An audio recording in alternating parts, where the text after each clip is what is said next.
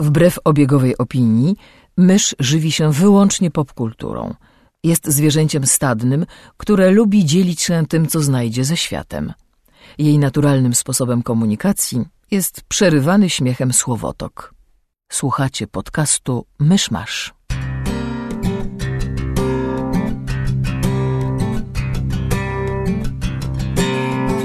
Gospodarzami podcastu Myszmasz są Krzysiek Ceran, redaktor portalu Avalon.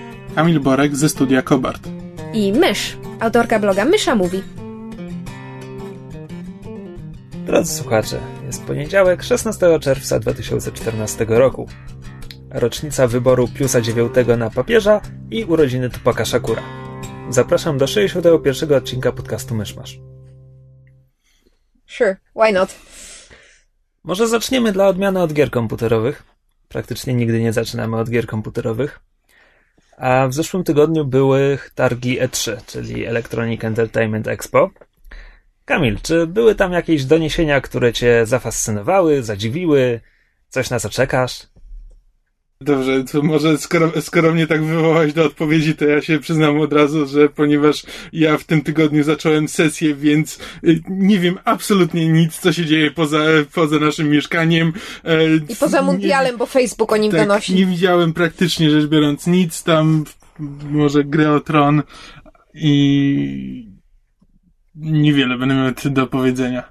Aha, no w takim razie wracając do E3, zapowiedziano czwartą część Uncharted, pokazano zwiastuny tryliarda różnych gier, dużo materiałów z Wiedźmina, całkiem fajnych. I oczywiście dla mnie najbardziej istotna wiadomość, e, najważniejsza, najbardziej przełomowa i w ogóle świadcząca o tym, że jest nadzieja dla gier komputerowych. E, ludzie, którzy zaglądają na nasz fanpage już wiedzą, wiedzą do czego to zmierza. E, Grim Fandango zostanie zremasterowany i wypuszczony na, na razie na PlayStation nowe, PlayStation 4, a mają być też inne platformy. Jeszcze nie wiadomo jakie, ale wszyscy myślą, że to niemożliwe, żeby gra nie pojawiła się na PC-tach. To jest pierwsza dobra wiadomość. Drugą dobrą wiadomością jest, że nadzoruje to Tim Schafer, czyli oryginalny twórca gry. E, I ja się tym strasznie jaram. Znaczy, było parę nowych, nowych gier zapowiedzianych, które mnie w miarę interesują, ale to zdecydowanie najwięcej emocji we mnie wzbudziło. No ja bardzo chętnie zagrał w zremasterowane Grim Fandango, szczególnie, że próbowałem tam, nie, nie pamiętam, cały rok temu wrócić do tej gry, ale ale ponieważ jakby nie została nigdy wydana w wersji kompatybilnej z nowymi komputerami, to ciągle wpadałem na jakieś problemy, Tak, bugi ją i nie da byłem w się- stanie skończyć. Da się ją uruchomić nawet od tak po prostu, tylko że wtedy zazwyczaj się wykrzacza z jakiegoś powodu. Są jakieś mody, jakieś emulatory. Trzeba się z tym strasznie No męczyć, właśnie. żeby w to zagrać. E, Teraz, ponieważ na razie tak naprawdę nic nie wiadomo, więc od razu ja się zastanawiam, jak będzie wyglądał ten remastering. Znaczy, jeśli to będzie po prostu grafika, wiesz, przerobiona tak, żeby w wyższej rozdzielczości gra się mogła wyświetlać, no to to będzie prezent dla starszych fanów. Natomiast, żeby to sprzedać e, nowemu pokoleniu, to parę rzeczy jednak przydałoby się pogrzebać głębiej w tej grze. Na przykład sterowanie. E, Ja uwielbiam tę grę. Grałem w nią pięć razy. Skończyłem tylko dwa, ale mniejsza o to. Ale zaczynałem pięć razy. E, I nawet za piątym wciąż zdarzało się, że nie potrafiłem wejść do windy, ponieważ główny bohater Manny Calavera porusza się z gracją e, czołgisty na łyżwach. Przepraszam, powiedziałem czołgisty, miałem na myśli czołgu. Z gracją czołgu na łyżwach. E, dlatego tutaj bardzo by się przydało, żeby coś z tym zrobić. No a jak już zaczynam mówić o głębszych zmianach, to zaczynam odlatywać, żeby może jednak wyciąć kilka bardzo idiotycznych ten zagadek, które są w tej grze, ale pewnie to, na to już nie ma co liczyć. Ale raczej bym się spodziewał, że będzie ich więcej, jeśli już. Właśnie zastanawiam się, czy będą w ogóle ingerować w taki sposób w grę. E, Bym się nie zdziwił, gdyby dodali, nie wiem, na przykład jakiś jeden akt mm, dodatkowy. Nie, to by Nie, nie, to z- strukturę gry rozwala. To, to, to jest wykluczone. E, I jedno, na co bardzo liczę, to żeby wiesz, żeby to było odświeżenie warstwa audiowizualna, żeby, żeby, ta, żeby odświeżyć e, grafikę, natomiast warstwa audio, żeby została jak jest, bo ta muzyka była świetna Hmm. i te dialogi były świetne i w ogóle nawet by mi przez myśl nie przeszło, że coś można w tym zmieniać, gdyby nie to, że niedawno był zremasterowany pierwszy Gabriel Knight. I okazało się, że e, twórcy nie są w stanie wykorzystać oryginalnych plików audio. W oryginalnym Gabriel Knightie głównego bohatera dubbingował Tim Curry. Tim Curry mówiący z nowoorleańskim akcentem i oni to stracili. Nie. A w Grimie Fandango e, głównego bohatera dubbinguje Tony Plana. On grał ojca Betty w Ugly Betty. To jest jego chyba najbardziej znana rola, którą wymieniam. Nie widziałem ani odcinka serialu, ale po prostu wiem, że on tam jest. E, I był w tym fenomenalny. Dlatego bardzo liczę, że, że, że to wszystko, że te wszystkie pliki są, są do wykorzystania i tak dalej. I że wszystko będzie piękne i że to się pojawi na PC-tach. Mam nadzieję na bardzo wiele różnych rzeczy. No mój zakątek internetu żył przede wszystkim trailerem do Wiedźmina, trailerem do Tomb Raidera kolejnego i aferą z Assassin's Unity. A tak, to widziałem. Które ja nie rozumiem. Afera polega na tym, że w nowym Asasynie będzie tryb koop, którego dotąd w Asasynach nie było. Znaczy, I że w Tylko tym. to ma być jakby podstawa nawet. Znaczy, no w sensie tak, no jakby opcjonalnie, ale że to ma być główny, e, główna No tak, wartość to gry. ma, tak. E, I w tym trybie koop każdy będzie mógł latać sobie asasynem, ale nie asasynką. Bo Ubisoft stwierdził, że stworzenie osobnego modelu i osobnych animacji dla żeńskiej postaci jest za drogie i im się nie opłaca. Tutaj kompletnie tego nie rozumiem. Znaczy, w poprzednich grach tam prawie zawsze były jakieś kobiety biegające parkurem po tym mieście. Może nie w pierwszym, ale już w dwójce Znaczy, były. No, od choćby przecież e, no, były postaci asasynek jako e, ci pomagierzy, których można było nasłać, więc jakby tam jakieś, jakieś animacje były, no może To nie znaczy, wszystkie, ale e, Unity ma być na nowym silniku. Więc może chodzi o to. znaczy, no, na pewno to wszystko starych animacji nie da się na nie, no, nowych silniku- oni na pewno robią nowe animacje do tego wszystkiego, ale się zastanawiam po prostu na ile to Znaczy, rzeczywiście... abstrahując od kwestii technicznych, to najbardziej to mówi o priorytetach Ubisoftu. Gdzie priorytetem jest wywalić ileś milionów na prerenderowany filmik pokazowy, a nie bardzo jest, żeby stworzyć model kobiety. Mhm. Poza tym no, s- też oni mają, mają za cel wywalać kolejnego asasyna co rok, jak FIFA. E, więc stąd się pewnie też bierze, że za, po prostu by nie zdążyli. A to wiesz, też trzeba wtedy każdą, wiesz, trzeba dwa razy testować, testować wszystkie to, to samo, bo musisz raz przetestować na modelu mężczyzny, raz na modelu kobiety i stworzyć to wszystko, pewnie by się nie wyrobili, no ale to ale to jest tempe, no. Znaczy, to, ja, ja się zgadzam. To znaczy inaczej. Mnie by to w ogóle nie obeszło, pomijając jak em, bardzo fajne mi się wydawało, kiedy Krzysiek opisywał te em, Liberation. tak, Liberation na Vita, co, co można było grać asasynką i ja stwierdziłam, tak jak znaczy jakby wcześniej stwierdziłam, o fajnie, mogłabym kiedyś spróbować zagrać w Assassin's Creed, a takie bieganie parkurowe po mieście mogłoby być fajne, ale jak Krzysiek opowiadał, że można było grać kobietą, to ja stwierdziłam, dla mnie to jest jednak dodatkowy atut, zobaczyć sobie jak asasynka biega. I w sumie ta afera z Assassin's Unity by mnie w ogóle nie obeszła, gdyby nie to, że oczywiście pojawiły się setki, tysiące różnych analiz, czy oni mają rację, czy to jest słuszne, czy da się to wytłumaczyć prawami rynku, czy te prawa rynku mają rację, ile jest kobiet gamerów, czy to ma jakiś wpływ na sprzedaż i po prostu jak ja to wszystko czytałam, było takie Mm. Już naprawdę nie obchodzi mnie teoria, czy im się opłaca, czy nie opłaca. Kamil ma rację, to jest po prostu już tempę. Na pewnym etapie to już jest tempę. Jakby rozumiem wszystkie techniczne problemy, że tak jak mówię, z testowaniem. Poza tym, jak masz customizowane wdzianka dla każdego asasyna, no to też trzeba by było zrobić osobny model dla kobiet, choć też nie wiem na ile to, bo to tak tylko jest, jakieś tam tekstury, więc to, nie wiem, zakładam, że to można by było jakimś szablonem. Nie wiem, nie, nie znam się na game designie, więc też nie chcę tutaj twierdzić, że coś, co by się dało zrobić, a czego by się nie dało zrobić, ale tak, no, ale uważam, że powinni poświęcić na to czas i jednak wyłożyć pieniądze, żeby, żeby to zrobić. I ja naprawdę nie potrzebuję kolejnego asasyna e, rok po poprzednim. Już to, już na tym, na tym etapie mam problem z decyzjami Ubisoftu, a jeszcze ja, jeśli przez te decyzje właśnie dochodzi do jakichś takich głupich sytuacji, że niby taka prosta rzecz, a nie da się jej zrobić, no to tym bardziej mnie to Znaczy właśnie Kurwa. te wszystkie artykuły, które czytałam, jakby ich, ich, ich podsumowanie było takie, że to jest, to jest jakby tylko na pierwszy rzut oka prosta rzecz, że w to wchodzi tyle różnych czynników i że ostatecznie Na pewno. Ubisoft ma rację. Co nie zmienia faktu, że jak przeglądałam Tumblr i co chwilę trafiałam na jakieś e, szpile wbijane w Ubisoft, to mi się Ray sam cieszył teksty na zasadzie, że jasne, nie możemy stworzyć kobiety, ale możemy stworzyć czterech białych takich samych facetów i zagrajcie sobie teraz w Assassin's Unity. No po prostu jakby marketing marketingiem, prawa rynku prawem rynku, a tak na chłopski rozum to to nie ma ani to jest, sensu. to jest na, na tyle też głupie, że na przykład pamiętam już w e, nie pamiętam, czy to, któryś tam trzeci Assassin albo nie, e, nie, nie, Brotherhood. Pamiętam, że grałem e, na PlayStation w, w multiplayer. No i tam są cztery osobne, czy nawet więcej różnych modeli, gdzie można było tam grać e, bodajże tam błaznem też była jakaś tam kobieta z, jakby były najróżniejsze modele do multiplayera. I jakby wtedy im to nie przeszkadzało, a nagle pi- trzy lata później, czy tam ile czasu minęło od Brother, Brotherhood, nagle się okazuje, że to jest wielki problem. Kompletnie tego nie rozumiem.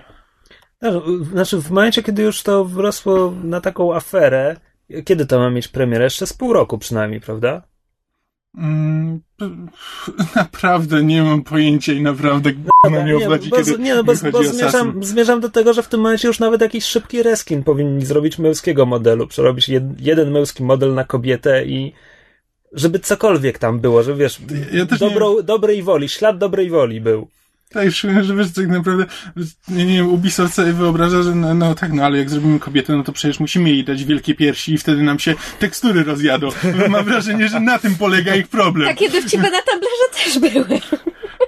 Po prostu, no, naprawdę, wiesz, że te, ci asesyni nie noszą bardzo obcisłych wdzianek. Naprawdę ta różnica nie byłaby wielka. Nie, bo wiesz, jak ona będzie skakała parkour, to jej się cycki na twarz po prostu będą za każdym podskokiem latały. No Dobra, po prostu... chyba, chyba wys- wystarczy już czasu na Ubisoft.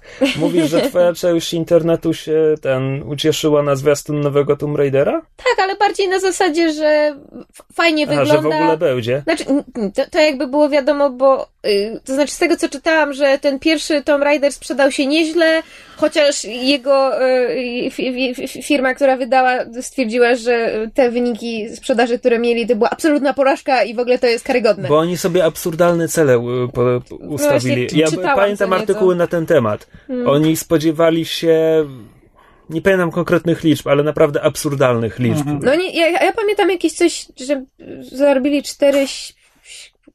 4,73 miliona, chcę powiedzieć coś? To, to by było mało. To by było mało, nie.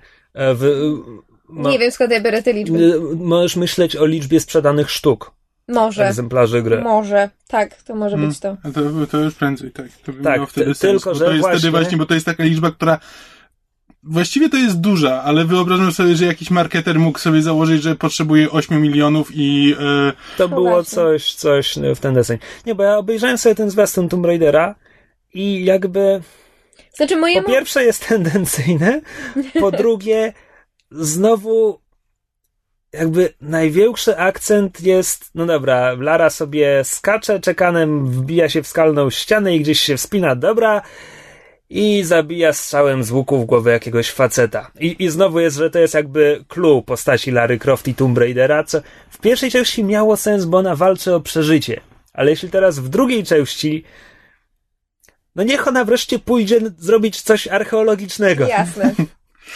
Znaczy nie, mój, mój zakątek internetu jakby cieszył się tym, że, że o, że powstaje, że trailer wygląda fajnie i że jakby są wykorzystane wątki z jedynki, że to nie jest to, że jedynka swoją drogą i teraz dwójka, wiesz, clean slate i zaczynamy od początku, tylko że jest tak, jak jest w filmiku pokazane, że ona ma traumę, że ona to musi przeżyć, że to nie jest postać z papieru, tylko ma jakiś Tak, jakąś tak, esencję, tak, coś tak, ma. Tak, tylko że pamiętajmy, że w poprzedniej części tej gry ta jej trauma kończy się 5 minut po podniesieniu pistoletu. No ja rozumiem, ja tylko przekazuję, co tam mój No zakątek przebąkuje pod nosem. No Dobra. ja nie grałam, ale wygląda to fajnie, obejrzałam sobie filmik, filmik jakby jako taki, wiesz, fan robi wrażenie.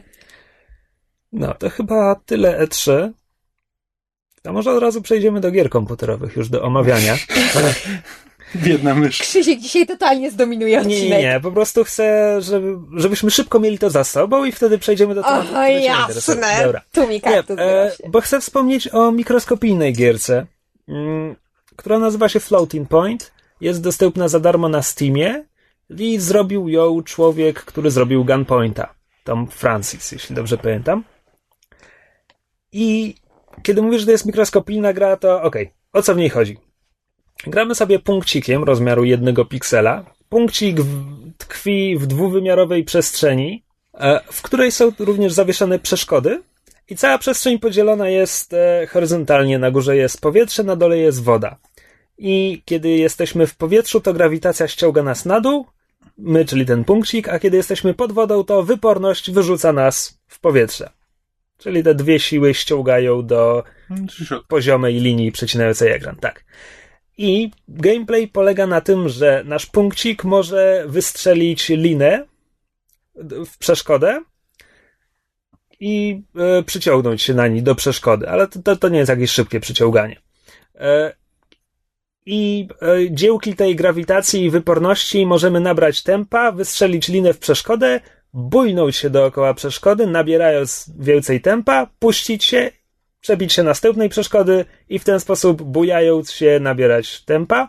A chodzi o to, że z, y, na większości przeszkód są y, rzeczy, które musimy zbierać. Mówię rzeczy, bo to są takie kolumny, które rosną, te, które są w powietrzu rosną w górę, te, które są pod wodą wydłużają się w dół i te kolumny są coraz dłuższe, a zatem coraz łatwiej je zgarnąć, y, im szybciej porusza się nasz punkcik. Znaczy, kiedy już zbierzemy jak, nabierzemy tempa, to wtedy łatwiej jest je zbierać. E, I to wszystko jest, ma takie w sumie wolne tempo, bardzo przyjemną, relaksującą muzykę, która też jest tym głośniejsza, e, im szybciej się poruszamy. I ma to takie hipnotyczne tempo, gdzie po prostu. Okej, okay, no. Jeśli coś ci nie wyjdzie, jeśli nie, nie wymierzysz i wiesz, obijesz się o przeszkodę, no to wtedy będziesz dyndać i no i trzeba się tam trochę, trochę wysilić, żeby znowu nabrać tego tempa. Ale jak tylko nabierzesz tego tempa, to to jest po prostu, to jest takie fajne. Bo ten twój punkcik jeszcze zostawia taki świetlisty ślad w powietrzu, więc jak ci się uda tam wywinąć śrubę dookoła jakiejś przeszkody efektowną, to to przez chwilę widzisz, jak to ładnie ci wyszło. I kiedy zgarniesz wszystkie te kolumny, Mm, to etap od razu się, znaczy kończy, od razu po, pojawia ci się zapis całego, całej trasy, którą pokonałeś w tym etapie. Wszystkich tych zawijasów, fiflaków i tak dalej. E, I jest w tym coś, co sprawia niesamowitą frajdę. To nie jest trudna gra. I nawet jeśli ci nie wyjdzie, no dobra, to przez chwilę poczujesz się jak idiota, że wisisz tam sobie dyndasz zamiast, zamiast śmigać. Mam nawet problem, żeby powiedzieć o tym, że to jest gra, no bo jak mówimy gra, to mamy na myśli coś, co ma jasne zasady i cel i zazwyczaj dążymy w tym do zwycięstwa, a tutaj to jest tak naprawdę zabawa. To, to jest po prostu zabawa. To jest, żeby się odprężyć po ciężkim dniu albo po dniu wypełnionym lenistwem, żeby jeszcze się trochę bardziej polenić. Coś strasznie przyjemnego. E, I właściwie ten, ten charakter, ponieważ to jest tak proste, to zacząłem się zastanawiać nad tym, czego ja właściwie wymagam od gier. E, bo tak naprawdę zazwyczaj ten gameplay to jest dla mnie tak gdzieś na, na trzecim miejscu za fabułą, dialogami, czymkolwiek jeszcze. No a tutaj mamy po prostu kawałek gameplayu, który daje mi frajdę i, i nic ponadto. Nie, nie ratujesz świata, nie, gra nie próbuje e, ten, nie próbuje sprawić, żebyś nad nią zapłakał. Taka po prostu bzdurka na 5 minut. No wiesz, ile, ile można jeść wyrafinowanego jedzenia, sushi, jakichś, wiesz, pięciodaniowych kolacji, czasem po prostu trzeba wpieprzyć hamburgera. No to jest ta sama zasada. Znaczy ja akurat się z tobą tyle nie zgodzę, że właśnie ja w grach dla mnie to fabuła, tam dialogi są drugorzędne. E, i właśnie mam wrażenie, że największe problemy, jakie mam i dlaczego e, ostatnio gry mainstreamowe w ogóle mnie nie interesują, za to w Indii e, znajduję, znajduję dużo tego, co e, dużo rzeczy, które by mnie interesowały. No to właśnie jest to, że w grach gry mainstreamowe to co rozmawialiśmy, no próbują, próbują robić Hollywood. Po prostu próbują być interaktywnymi filmami z elementami gameplayu, a, a jednak indie starają się robić gry, które opierają się, opierają się na gameplayu, nawet jeśli inne, zazwyczaj historia jest wpisana w to, jak gramy w tę grę. No dobra, ale bo mówisz tutaj, że to AAA próbuje się robić na Hollywood, więc mówimy o czym? O Uncharted, Bioshockach, no, cokolwiek. Watch, y, mogą być Watch, Watch Dogs, Assassin's GTA, okej, okay, okay, Call of okay, Duty. Dobra, no ale to samo podejście jest reprezentowane przez y, Walking Dead i Wolf Among Us gdzie fabuła jest zdecydowanie pierwszoplanowa, bo gameplay jest przecież pszczołkowy. No tak, no tutaj, tutaj to jest założenie, że robimy interaktywny film. Jakby no przygodówki tutaj w ogóle jakby są to, to jest jakby inny, inny gatunek, no bo e, to jest po prostu, to jest po prostu historia, tylko że interaktywna. No, no dobra, ale Naughty Dog w swoich produkcjach też stawia na to, że robią tak naprawdę film tylko z elementami gameplayu. No. No tak. Nie, po prostu nie, nie no widzę różnicy między tym, a tym, co robi Telltale. E, no, w sensie jest fajnie, jeśli jest jeden gatunek przygodówek, które właśnie polegają na tym, że to jest, że to jest film, to, tu jest, że ważna jest historia i jakby my tylko, my tylko ją jakoś tam popychamy do przodu. A co innego, jeśli to po prostu cały, cały gatunek gier, wszystko, co się produkuje jakby w tym, w, w mainstreamie, właśnie idzie, idzie w tą stronę. Gdzie jakby ta rozgrywka jest, yy, tylko i wyłącznie po to, żeby uzależnić, a ten, a cała para idzie w gwizdek. Okej, okay, no jak już powtarzałem parę razy, ja gram bardzo mało w te wszystkie AA i to, to nie jest tak, że ja się z tobą nie zgadzam.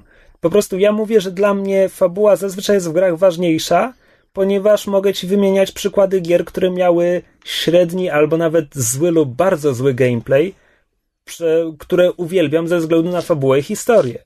Dreamfall, kontynuacja The Longest Journey, to jest niesamowita historia i beznadziejna gra. Niesamowicie zła gra. E, przygodówka, która próbowała wprowadzić walkę i skradankę i to wszystko było złe i, i tak uwielbiam tę grę ze względu na historię. Grim Fandango tak naprawdę, którego ubóstwiam pod względem gameplayu zgrzyta miejscami. Bardzo. No dobrze, no przecież wymieniasz przygodówki. Ja już ci przyznałem, że jakby przygodówki się wybijają z tego nurtu. A czy potrafisz mi wymienić właśnie grę typu z grę akcji, czy z, e, e, czy pochodną, gdzie właśnie ten, e, gdzie to fabuła, gdzie fabuła ratuje e, beznadziejną rozgrywkę, no. Mm, jeszcze nie skończyłem, ale być może Dragon Age 2 będzie dla mnie czymś takim ten gameplay mnie znudził do tego stopnia, że przeoczyłem poziom trudności na casual, żeby jak najszybciej mieć walki ze sobą, bo nie dają mi żadnej frajdy, nie cierpię ich, ale jeszcze gram. No, okej, okay. jedna. No, nie, no, okej, okay. Mass Effecty. Ja wcale nie lubię walki w Mass Effectach. Tak naprawdę w jedynce jest koszmarnie chaotyczna i niezbalansowana, w trójce po prostu zrobili grę akcji, w dwójce właściwie mi się w miarę podobała. A lubię, mm. lubię cykl, lubię serię.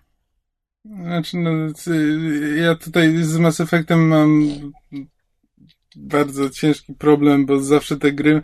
Mam właśnie z tymi grami mam na przykład taki problem, że tutaj fabuła jest okay, trochę zgrzyta, ale w sumie fajnie i to samo mechanika, gdzie też w sumie jest okay, trochę zgrzyta, ale może być. Nie, nie dla tak, mnie fabuła gra... Mass Effectów, dopóki nie mówimy o zakończeniu trójki, jest bardzo w porządku. Mechanika zdecydowanie niżej oceniam mechanikę tych gier. I myślę, że mógłbym wymienić jeszcze parę RPGów, gdzie byłoby no, dokładnie dobra, tak samo. Dobra, w RPG rzeczywiście ci przyznam rację. No dobra. To ponieważ odniosłem e, miażdżące zwycięstwo w tej dyskusji, to kończymy ten segment.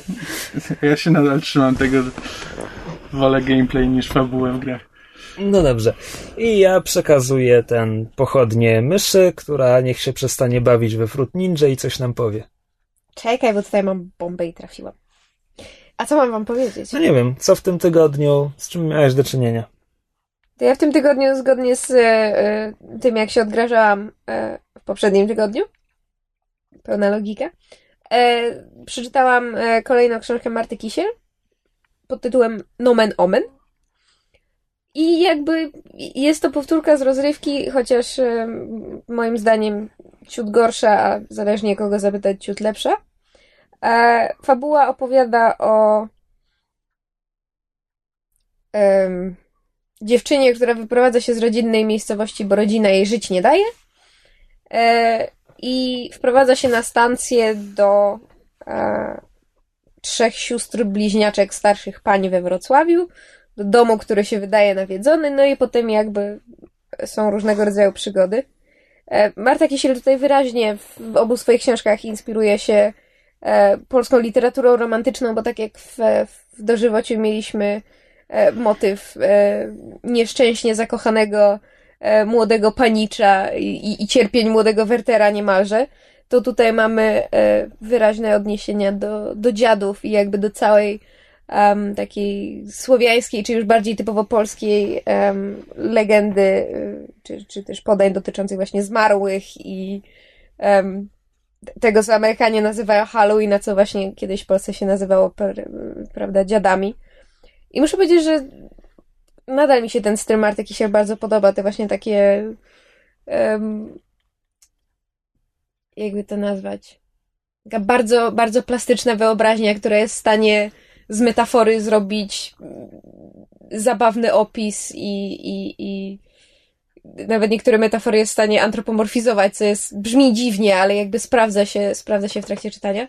Natomiast to, co mi się bardzo spodobało, to jest to, że w, jakby ponieważ akcja jest umiejscowiona we Wrocławiu i ponieważ odnosi się w pewnym sensie do, do e, wydarzeń wojennych i do okupacji, do um, prawda, na, najazdu Rosjan na, na, na Breslau wówczas. Um, tak jakby ta warstwa historyczna była, była miłym zaskoczeniem i była bardzo ładnie poprowadzona, to znaczy tak jak ja zawsze powtarzam, że męczeńska, patriotyczna Polska w jakiejkolwiek formie mnie odrzuca, zwłaszcza w popkulturze i zwłaszcza w literaturze, to tak tutaj jednak to, to nie odrzucało i człowiek, człowiek czuł jakby tę historię. To jest tak jakby po setce filmów o Holokauście i jakby takim obyciu się z tematem człowiek obejrzał ten 101 i nagle stwierdził, że a jednak go to rusza. Było mniej więcej na takiej zasadzie i, i byłam tym bardzo mile zaskoczona, no bo mówię, mnie ta taka męczeńska polska historia jakoś mało rusza, no wiem. Brnij jest... dalej? Tak, strasznie, strasznie jestem ten wyrodna. Dożywocie dobrze zrozumiałem, że to był zbiór opowiadań? Tak. I nomen omen też jest? Nie, to już jest pełna powieść od początku do końca. E...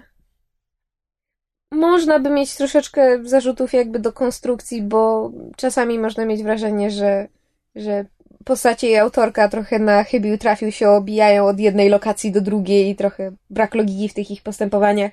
Zatem jeden z bohaterów jest takim to jest po prostu, to jest rozwiązanie fabularne, to nie jest pełna postać, bo nie można stworzyć tak wkurzającej postaci i, i żeby to uszło na sucho, bo po prostu jak, jak gdybym... Ale czym wkurzającej? No po prostu gdybyś takiego człowieka spotkał po trzech minutach dałbyś mu w ryj, bo po prostu Mam wrażenie, że znam takich, ale... A, hmm, tak, tylko jakby on, mam wrażenie, że ta postać została stworzona w ten sposób nie dlatego, że jakby to miało sens pod względem tego, kim jest, czy jak został wychowany, tylko on był taką postacią tylko i wyłącznie po to, żeby służyć za, jakby za chłopca do bicia. To znaczy, wszystko, co ta postać powie, to jest głupota, którą należy zignorować, na niego można za dowolną rzecz naskoczyć, bo jest po prostu takim totalnym debilem i czego by nie powiedział, jak tylko otworzy dzioba, to to jest po prostu ma się ochotę go udusić. Dobra, ale ta postać pełni jakąś funkcję w fabule? Tak, w sensie on robi z siebie, znaczy on nie robi z siebie debila, on jest debilem, czyli jemu się tłumaczy, jemu inne postacie tłumaczą to na zasadzie, co teraz robimy, dlaczego to robimy, dlaczego to musimy zrobić, jakie będą nasze kolejne kroki, czyli to jest ten właśnie, Aha. to jest ten mechanizm e, fabularny, gdzie autor specjalnie wrzuca do tekstu postać głupka, której inni coś tłumaczą, żeby on nie musiał tego samego łopatologicznie wykładać czytelnikowi. To jest taki myk. I niestety, nie wiem, czy taki był cel autorki, ale ja to tak odebrałam i troszeczkę mnie to denerwowało. Tym bardziej, że postać była tak szalenie przerysowana, że, że mam wrażenie aż do przesady. No ale może taki był, taki był zamysł. W każdym razie książka... No, czekaj, bo co, co to znaczy, może taki był zamysł? No jeśli taki był zamysł i wypada to tak, że cię irytuje jako czytelniczkę, to, to wciąż jest zły pomysł. Może miał właśnie irytować. No nie, nie wiem. Nie wiem. Okej, okay. nie wiem, czemu próbujesz bronić tutaj autorki. Bo może się mylę, no kto wie. To, że mnie coś denerwuje, nie znaczy, że innych też. E, no, w każdym razie, jeżeli e, komuś się podobało dożywać i czytał, e, to jak najbardziej można sięgnąć po nomen omen. A jeżeli ktoś lubi właśnie polską fantastykę z motywami historycznymi, z takim fajnym polotem i z, i z dowcipem i z charakterem, to jak najbardziej też można sięgnąć po nomen omen. O! Pozostając przy literaturze, Przeczytałem playback Raymonda Chandlera, jego siódmą, ostatnią ukończoną powieść o detektywie Philipie Marlowe. Mm, mam wrażenie, że ona albo nie ma polskiego tytułu, albo po prostu nazywa się Playback. W sensie, nie wiem, czy była tłumaczona, pewnie tak.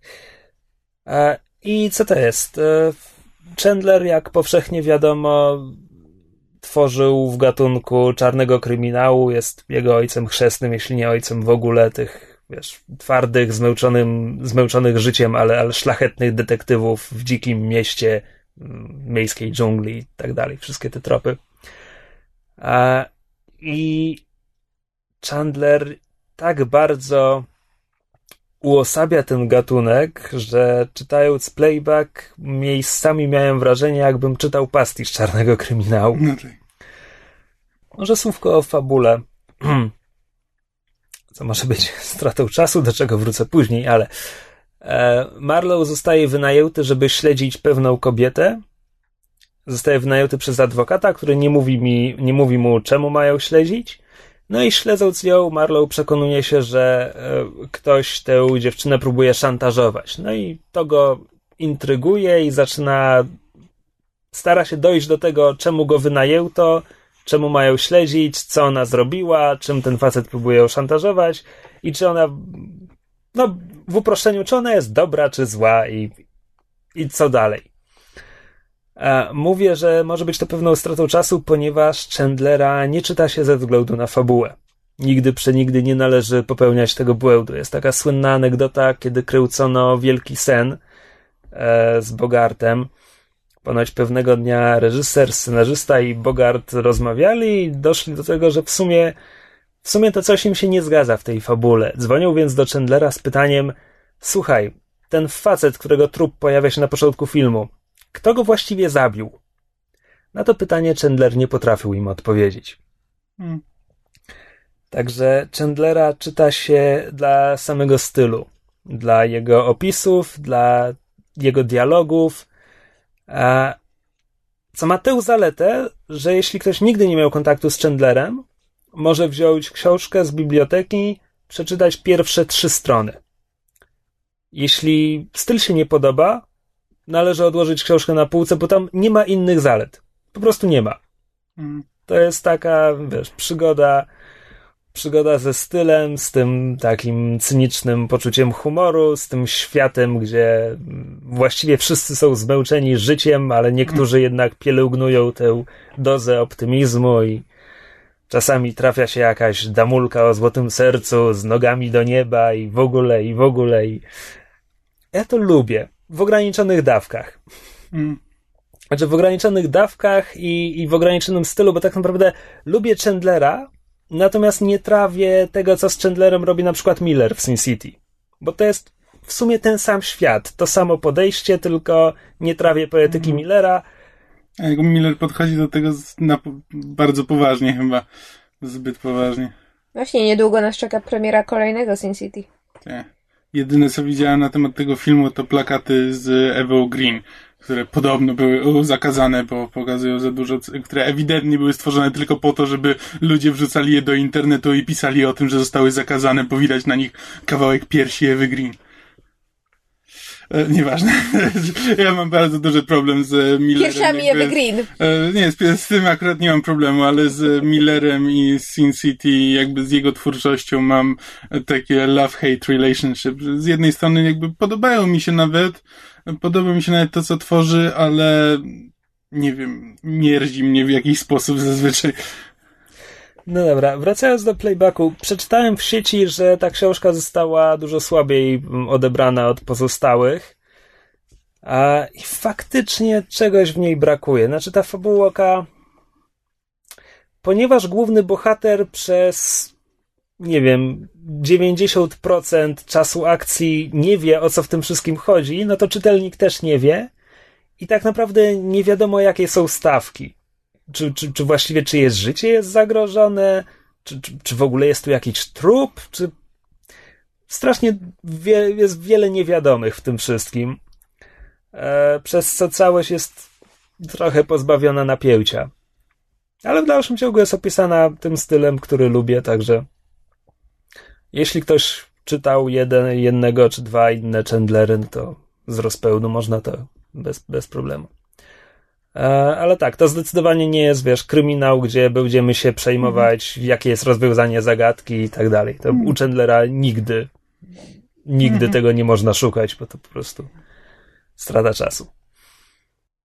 Myszu? Tak, słucham. Ty jakiś czas temu obiecywałaś, czy, czy chciałem powiedzieć czytelnikom, mhm. obiecywałaś naszym czytelnikom, że przeczytasz iZombie.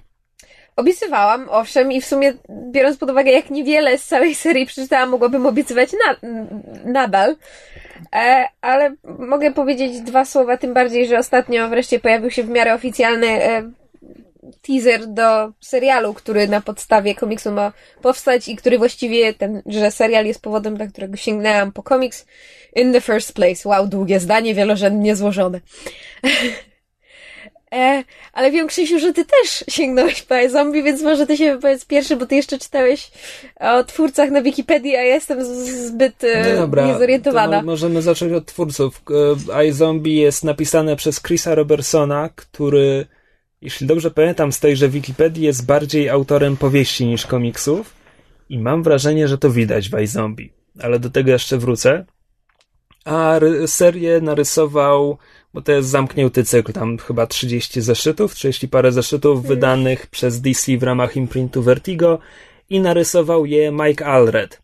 Mike Allred jest bardzo ciekawym artystą, e, dużo narysował dla Marvela, go stamtąd znam, on ma taką on ma taką kreskę e, tak bardzo oldschoolową. No. Tam niemal, niemal każda bohaterka wygląda, wiesz, jak Gwen Stacy rysowana 50 lat temu. Dokładnie. E, I to, e, to ma swój urok. Ja nie jestem wielkim fanem, ale w sumie lubię tę jego stylistykę. Znaczy właśnie dla mnie to ma, można tego nie lubić, ale to ma strasznie dużo uroku. Tak, bo to jest, to jest niemal tak, wiesz, jakby, jakby Kirby rysował, tylko jakby go dzisiaj drukowali, a nie, wiesz, starymi drukarkami na starym papierze, mm. czterema kolorami, tak jak to się kiedyś drukowało. E, tak, to, to tyle, tyle o twórcach. Alred dla Marvela rysował Fantastyczną Czwórkę, Ecstatics, różne rzeczy sam ten komiks, czy mam zacząć od mojego werdyktu, czy od tego, jak do tego werdyktu doszedłem? Może, żeby było ciekawiej, zacznij od werdyktu, a potem ten. Zobaczymy, jak do tego doszedłeś, ja będę komentować. Podobają mi się, podoba mi się większość pomysłów zawartych w tym komiksie, dlatego czekam na serial, ale nie podoba mi się komiks, nie podoba mi się jego wykonanie i mam tu na myśli to, jak jest napisany, a nie, a nie rysunki. No bo właśnie mnie się na przykład bardzo podoba, tak jak już wspomniałeś, ten właśnie oldschoolowy y, styl i kreska i to, jak postacie są y, zwizualizowane i to mi się strasznie kojarzy z komiksami um, o Archie. Archie Comics to jest taka bardzo znana w Stanach seria, która w Europie właściwie w ogóle nie jest znana tak naprawdę. A to jest właśnie ten taki styl kreski z lat 40. czy 50 bardzo specyficzny. E, I to, co mi się też w iZombie bardzo spodobało, to to, że e, ma bardzo fajną, żywą paletę barw, to znaczy kolory są niesamowicie dobrane i po drugie e, stylizuje się jeszcze bardziej na oldschoolowy komiks przez to, że bardzo często naśladuje sitodruk. Nie wiem, czy zauważyłeś. W paru miejscach rzuciło mi się w Tak, oczy. i nie wiem dlaczego, ale strasznie mnie to ujęło i właśnie dodało jeszcze tego, jeszcze kapkę tego oldschoolowego uroku, natomiast zgadzam się z tobą, że i pod względem tego, jak to jest napisane i fabuła jak jest rozplanowana i te dialogi Dobra, są skoro, sztywne. Skoro powiedziałaś fabuła, to może słowo na ten temat. Tak. Główną bohaterką iZombie jest e, Gwen. Gwen jest, jak sama nazwa wskazuje, zombie, rodzajem zombie.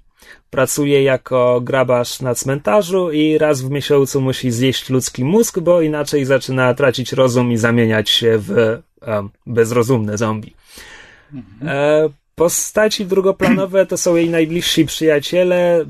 Ellie, Ale- Elsie, jak ona się nazywa? Czy w tym świecie jakby to, że istnieją zombie, to jest powszechna To wiedza? jest czy- tajemnica. Nie. Okej. Strefa nadnaturalna jest tajemnicą, ale ma szeroką reprezentację, ponieważ najbliższa przyjaciółka Gwen jest e, duchem zmarłym jakoś w latach 50. czy 60. Nie 60., co zresztą widać po jej ubiorze, który jest bardzo swing in 60s. No tak, właśnie mówię, każda, każda ka- kobieca postać to Gwen Stacy. Tak.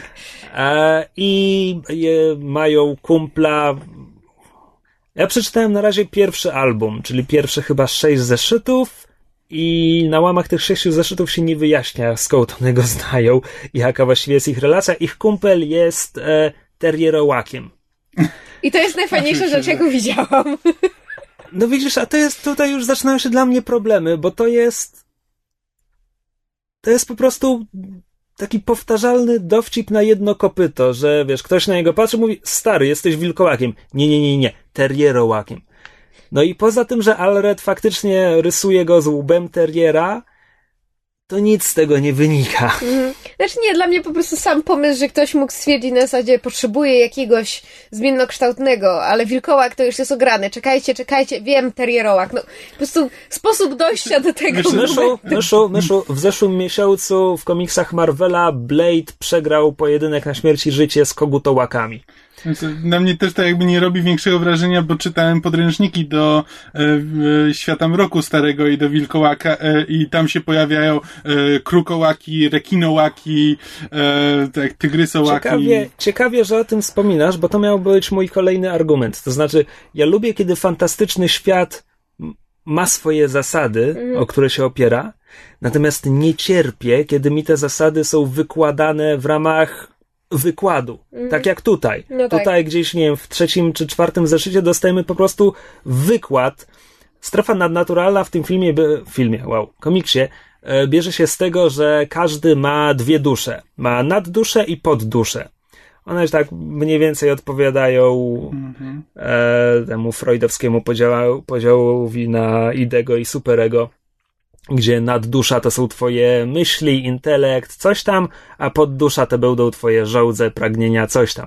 I tutaj jest po prostu cała taka tabelka, co się dzieje, jeśli. Co się dzieje, jeśli e, ktoś zginie, ale pozostanie pod nim sama naddusza. No to wtedy jest duchem. Jeśli pozostanie pod nim sama poddusza, to wtedy jest poltergeistem. Jeszcze się nie pojawił poltergeist, więc nie wiem, czym właściwie są. E, jeśli zostanie z niego same.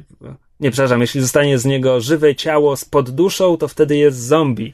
Jeśli jest żywe ciało, znaczy żywe zmarłe ciało, nieumarłe ciało z nadduszą, to wtedy jest czym? Rewenantem? Czymś? Wampirem chyba. Nie, wampir to... Nie wiem, w każdym razie po prostu... I to jest, to jest dosłownie wykład. To jest wykład, które, którego, który starożytna mumia udziela głównej bohaterce i to było dla mnie tak straszne. Znaczy, komiks jest bardzo prosty i schematyczny i łopatologiczny, dlatego tym bardziej czekam na to, czym będzie serial, ponieważ serial ma, znaczy ma odejść. Już sporo w swoim zarysie odchodzi Tak, od choćby komiksu. dlatego, że w serialu główna bohaterka będzie pracować w prosektorium, a nie będzie grabarką. Tak, a poza tym będzie jakby miała to, że, że ona specjalnie chyba, znaczy oprócz tego, że Właśnie nie pamiętam jak to jest, czy ona się musi żywić tymi mózgami, czy ona je zjada specjalnie po to, żeby pomagać rozwiązywać Mówisz śledztwa, serialu? o serialu. Aha, no tak, no bo w komiksie po tym jak zżera czyjś mózg, to widzi jego myśli, wspomnienia, co jest, co jest jakby punktem wyjścia do historii opowiedzianej w komiksie, ponieważ wygląda na to, że e, cała ta seria opowiada jedną spójną historię. A przynajmniej ten pierwszy album w, ża- w żaden sposób nie jest zamkniętą historią. Więc zakładam, że wszystkie te 30 zeszytów opowiada jedną historię. I właśnie to, że ona widzi wspomnienia kogoś, kogo zjadła, e, jest czymś, co napełza wydarzenia na początku, ale tak naprawdę już pod koniec tej pierwszej historii przestaje mieć znaczenie. A właśnie serial bierze ten aspekt i będzie się na tym skupiał. Tak, i robi z tego procedural w pewnym sensie. Tak. no. Takie pushing daisy. Może. Znaczy pod względem stylistyki mam wrażenie, że może trochę uderzać w tony Pushing Daisies, ale mimo wszystko bliżej do Veroniki Mars, choćby dlatego, że twórcą serialu jest Rob Thomas. No, no I mam też. nadzieję, że. Znaczy. Inaczej, bardzo mi się spodobał pomysł, kiedy usłyszałam, że Rob Thomas robi serial na podstawie komiksu i jak się dowiedziałam, o czym jest komiks, to jakby bardzo mnie to ucieszyło. Natomiast po obejrzeniu teasera, który był taki e, właśnie miałam bardzo e, wrażenia. Znaczy, bardzo się boję tego, że ten serial w przeciwieństwie do Weroniki Mars mimo wszystko nie ma w sobie tego tego czegoś, żeby mógł stać się kultowym, że on będzie zbyt high concept, żeby przeciętna publiczność mogła się go uczepić. Znaczy, tak sobie myślę, Tak że jak z Pushing Daisies. jakby ktoś mi miał pokazać teaser wycięty z pilota Weroniki Mars, to też nie wiem, czy bym miał jakieś niezwykłe wrażenia. E, dobra, ale wracając zaczynamy do komiksu. Kiedy mówię, że on jest e, nieporadnie napisany, to mam na myśli rzeczy takie jak ekspozycja. Mm, informacje, które są przekazywane no tak strasznie, no od, od choćby właśnie ten wykład na temat, o Jezu, co się dzieje z nad duszą i pod duszą i to zajmuje wielką dwustronną rozkładówkę. Ale to jest też takie rzeczy jak sugerowanie przyszłych wydarzeń, czy, czy czegoś, co się będzie poruszane. Pojawiają się dwaj łowcy potworów, którzy pracują dla organizacji zajmującej się łowieniem potworów, mniejsza z tym. E, I między nimi są dwie takie sytuacje, gdzie na przykład e, widzimy urywek dialogu na zasadzie, wiesz, czy, czy, umam, czy umawiałeś się z kimś od kod Betany? Trzy kropki. Nie dowiemy się, co się stało z Betany, ale Mhm. no dobra, druga, y, wiesz, trafiają na, na zwłoki i chcą mieć jakieś y, ślady tych zwłok, więc jeden z nich wyciąga z zapazuchy takiego wielkiego, ciężkiego polaroida. A ten drugi mówi, stary, no mój telefon robi lepsze zdjęcia od tego, co ty w ogóle, co to ma być? Na co on odpowiada, słuchaj, ten aparat należał do mojego, tum, tum, tum, trzy kropki i to nie zostanie dokończone. Bo, Okej. bo wiesz, bo on, nie, nie, to, to nie jest cliffhanger. Postać w tym momencie zaczyna mówić coś innego, po prostu przerywa myśl. Ale tak czy inaczej, to jest takie, tak strasznie nieporadne sugerowanie, że u, tu jest historia, tu, tu będzie coś więcej. Mhm. Wreszcie to są takie rzeczy jak w tym komiksie tekst mamy w dymkach, dialogi, mamy ramki z narracją głównej bohaterki, ramki z myślami pożartego przez nią właściciela mózgu, nie, nieważne, Nieistotne. e, nieistotne, oraz w pewnym momencie e, jedna postać opiera rękę na, na ten e, podbródek na z- patrzy się gdzieś w przestrzeń i myśli ha, zastanawiam się, co Gwen dzisiaj robi wieczorem. I to jest w dymku myślowym. I to jest jedyny dymek myślowy użyty w całym komiksie. I po prostu tak mnie wybił, że jakby nigdzie indziej dymek myślowy, czyli wiesz, takie kropeczki, No taki wiem. dym, no, Ale nie rozumiem, czemu by to miało ci wybić. ponieważ e, jeśli już je stosujemy w komiksie, to bądźmy w tym konsekwentni. A to w momencie, kiedy wszystkie myśli głównej bohaterki są w ramkach z narracją, to wtedy, jeśli mamy graficznie to zapisane w postaci dymku myślowego, to jest niekonsekwencja. No ale to inna postać ma w dymku, tak? Mogłaby dostać swoją ramkę z, nar- z narracją. Albo nawet No powiedzieć to- to do siebie Albo na głos. powiedzieć to, na- do siebie na głos, jest- ja zwłaszcza, rozumiem, że główna bohaterka chodzi. czasami mówi do siebie na głos, kiedy w, w I to też jest forma narracji, I to tak. też jest forma narracji. Kompletnie nie widzę problemu, ale... No, a, a ja widzę problem, bo to jest dla mnie niekonsekwencja w sposobie, jak napisano ten komiks. Nie, no jest główna... No, przemyślenia głównej bohaterki są w ramkach. No tak samo jest pisany Deadpool. Inne postaci, jak coś sobie myślą, to jest wtedy Dobra, w, w ale to, dymku, no. ale to jest jedyny przypadek, kiedy inna postać coś myśli i mamy to spisane w całym No nie komiksie. przeczytałeś całego komiksu? czy No ale cały? cały album. Sześć zeszytów. I wreszcie e, główna bohaterka w pewnym momencie wpada na kogoś, kogo pamięta z czasów, kiedy, kiedy jeszcze żyła. Bo dowiadujemy się, że ona nie do końca pamięta swoje życie. I to jest, ojej, ja go znam, ja go znam. Kto to jest? Okej, jest w tym jakaś zagadka i się zastanawiamy, kim, je- kto to jest, jaka jest ta zagadka. Po czym pod koniec piątego zeszytu, szóstego, jest taki nagle montaż, gdzie po, pokazujemy przebitki paru osób spotkanych dotąd w komiksie i co one na tym etapie robią i tak dalej. I mamy tę postać, która, wiesz, patrzy, patrzy na zdjęcie głównej bohaterki i mówi do siebie tęsknię za tobą, i tu jest powiedziane, kim ona jest. I to jest po prostu tak znikąd. To, to, to, to nie ma, to, to nie jest wpisane w akcję, to nie jest, to nie jest, wiesz, Mhm. to jest mocny punkt fabuły, który zostaje kompletnie zmarnowany. Mm. Także, No no, tak, nie wiem. fabularnie... No, no, czyli jest, jest tam jakiś pomysł, ale nie wykorzystany. Tak, i właśnie dlatego czekam na serial, ponieważ liczę, że właśnie rzeczy, z którymi mam problem w komiksie, nie będzie ich w serialu. Mhm, ja się z tym zgadzam, więc y, jakby komiks można sobie przeczytać, to jest bardziej na zasadzie, wiesz, tak jak jakieś śmieciowe pisemko u dentysty albo jakaś książka na podróż pociągiem, to nie jest coś, na co trzeba jakoś usilnie polować i, i, i, i czytać. Właściwie nawet jeżeli ktoś chce sięgnąć po serial, to może olać komiks, ale jeżeli ktoś chce zobaczyć o co chodzi, to tam przeczytać właśnie jeden album czy dwa albumy. Znaczy, polecam zajrzeć e, ze względu na kreskę Alreda. Tak, właśnie wizualnie bardziej niż, niż pod względem scenariusza. O, tośmy się wyjątkowo zgodzili. To się nie zdarza. E, to co, teraz wór z mailami. Wór z mailami. Wór z mailami jest cokolwiek może niepojemny, ale może nam zapewnić e, nielichą rozrywkę. E, dostaliśmy maila od słuchacza Michała, znanego również jako Skinbows. Skinbows pisze. Witam. Pierwsze moje pytanie najbardziej chyba pasuje do myszy. Jaki jest wasz ulubiony film animowany? I nie, nie chodzi mi o coś jak animowany Batman, tylko utwór skierowany do dzieci. Za co go lubicie? I tutaj ja mam wielką rozkminę z tym pytaniem, dlatego że jakby. Owszem, są animacje, które są skierowane bardziej dla dorosłych, ale dla mnie z zasady animacja jest w jakimś stopniu skierowana dla dzieci. Właściwie prawie zawsze. Mniejszych, znaczy większych, młodszych lub starszych, nie mniejszych lub większych. To ja się Nie. tu nie mogę zgodzić, ale nieważne, no, pytanie jest o animację skierowaną do dzieci.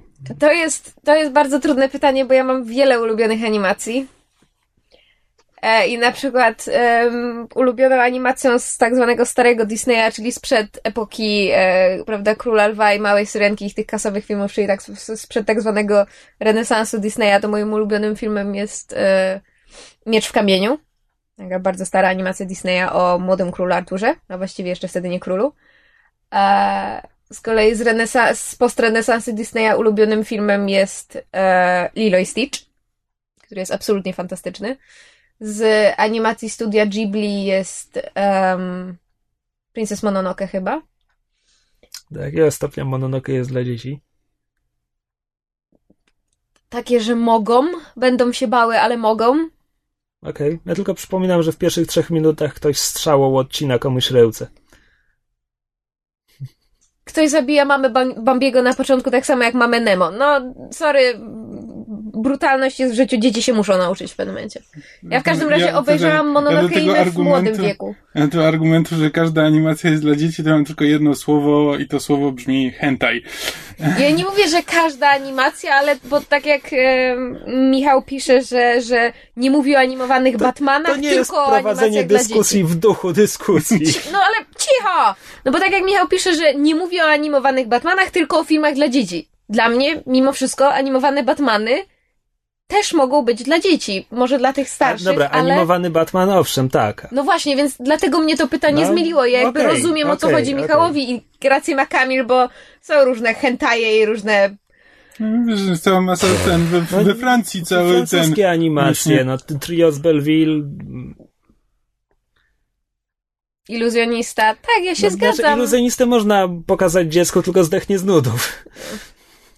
W każdym razie tak, to nie jest to animacja skierowana do dzieci. Em, z Pixara najbardziej mi się ostatnio Brave podobało i Wally, które też ostatnio w podcaście Mm. omawialiśmy. To jakby zależy, zależy o, o jakiej wytwórni filmów animowanych mówimy. Jakby zadanie pytania pod tytułem, jaki jest twój film animowany, to jest e, na zasadzie, jaki jest twój ulubiony film ever. Ja mam na to odpowiedź, ale jakby No, to, a, a masz odpowiedź na pytanie ulubiony film animowany ever?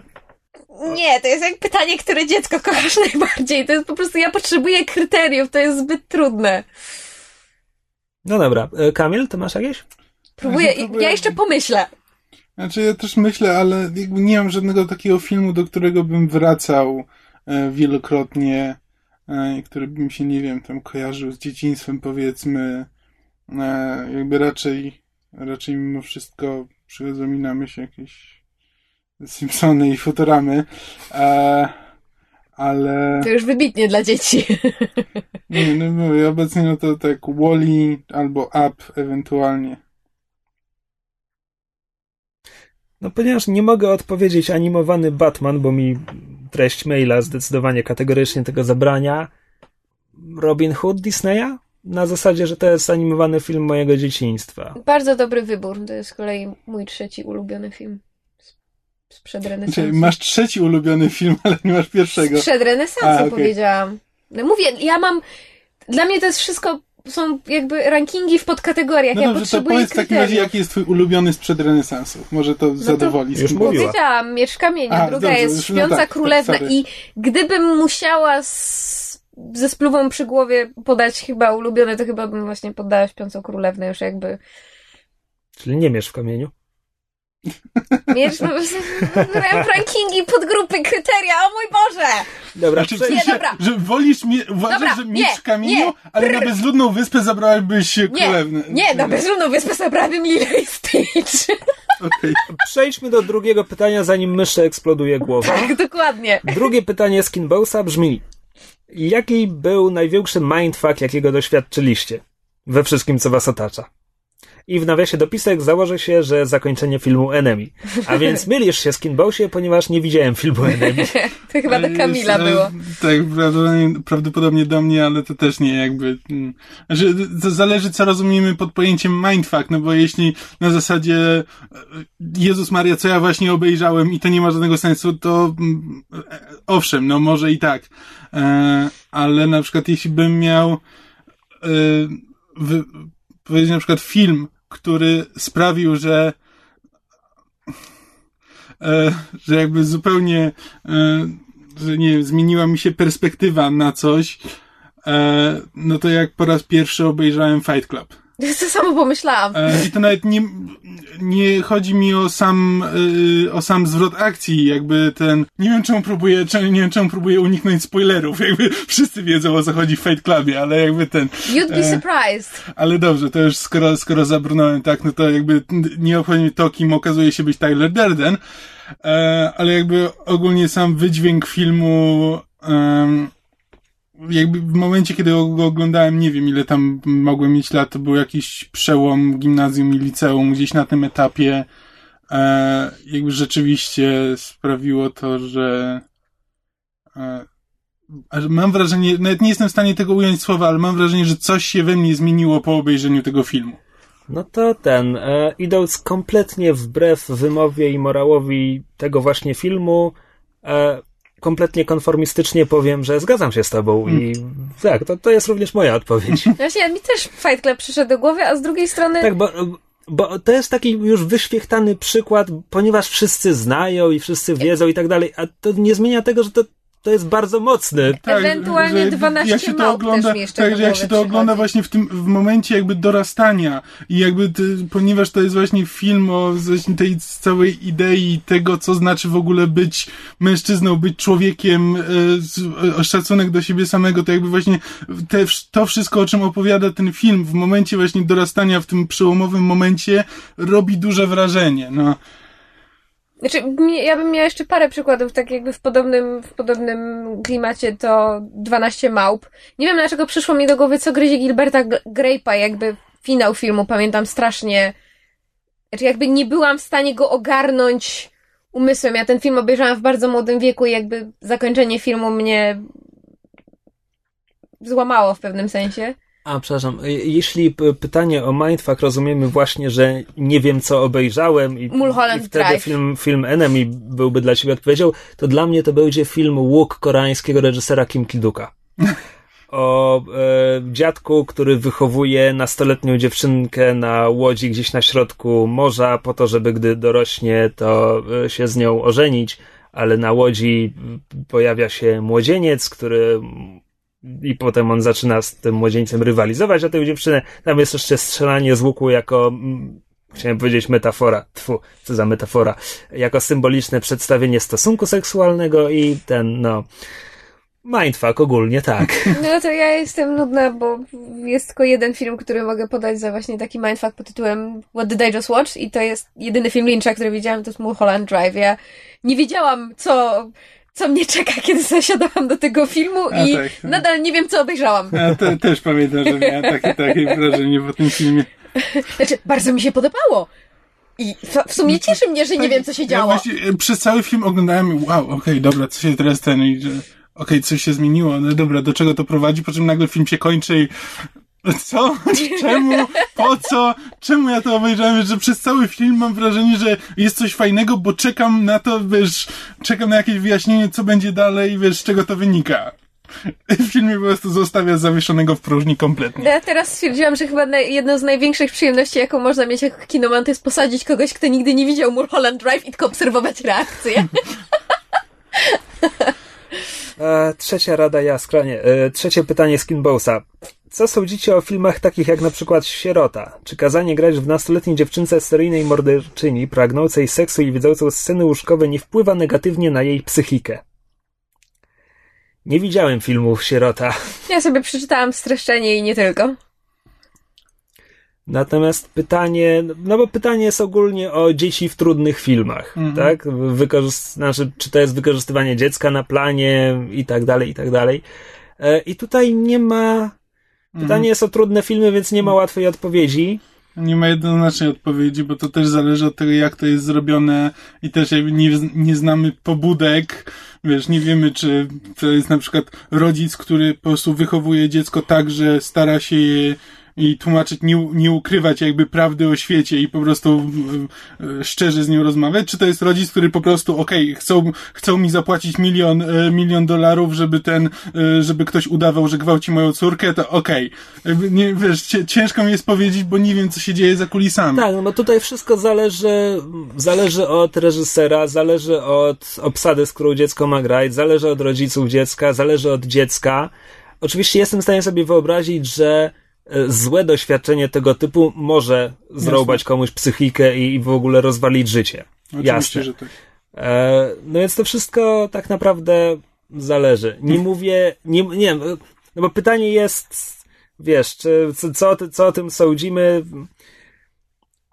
Sądzę, że jeśli ktoś coś takiego robi, to musi to robić bardzo ostrożnie, bardzo uważnie i może nawet nie tyle z e, rodzicami dziecka na planie, co z psychologiem dziecięcym na planie. Mhm. Bo właściwie, znowu, wszystko zależy, obecność rodziców może zaszkodzić, a nie pomóc.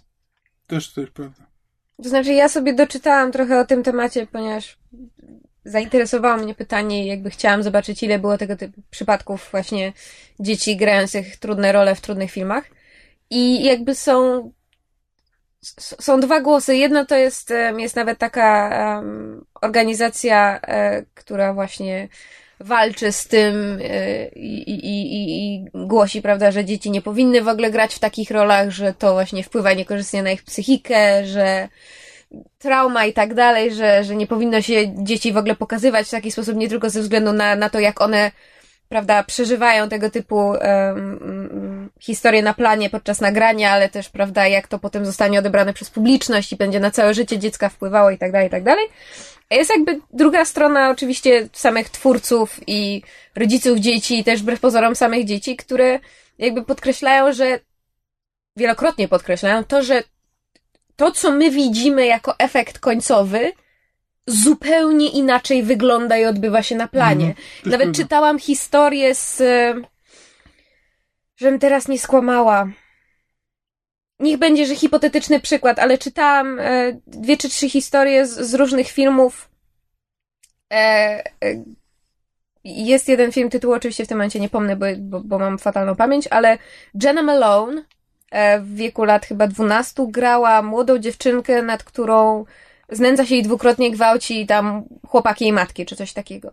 I jest anegdota z planu pod tytułem, że e, Jenna miała fantastyczny kontakt z aktorem, który jakby grał jej gwałciciela na planie, że oni e, siedzieli, długo rozmawiali na temat sceny, co ona oznacza, mieli świetną, świetny kontakt, bardzo przyjacielski, tutaj prawda, bez żadnych konotacji, bo to nie o to chodzi, i że, że aktorka młoda się tak dobrze bawiła na planie, że po prostu jakby się pytała, czy już skończyliśmy nagrywać sceny, czy możemy nagrać więcej. Po prostu dla niej samo bycie na planie i granie w filmie było frajdą, a jakby po pierwsze, nie było żadnych konotacji na zasadzie to, co teraz robię przed kamerą jest złe, to A, B, wbrew pozorom można być zaskoczonym tym, jak bardzo dobrze dzieci potrafią odróżnić, co jest, co jest make-believe, co jest udawaniem, a co jest, co jest Mhm. realne.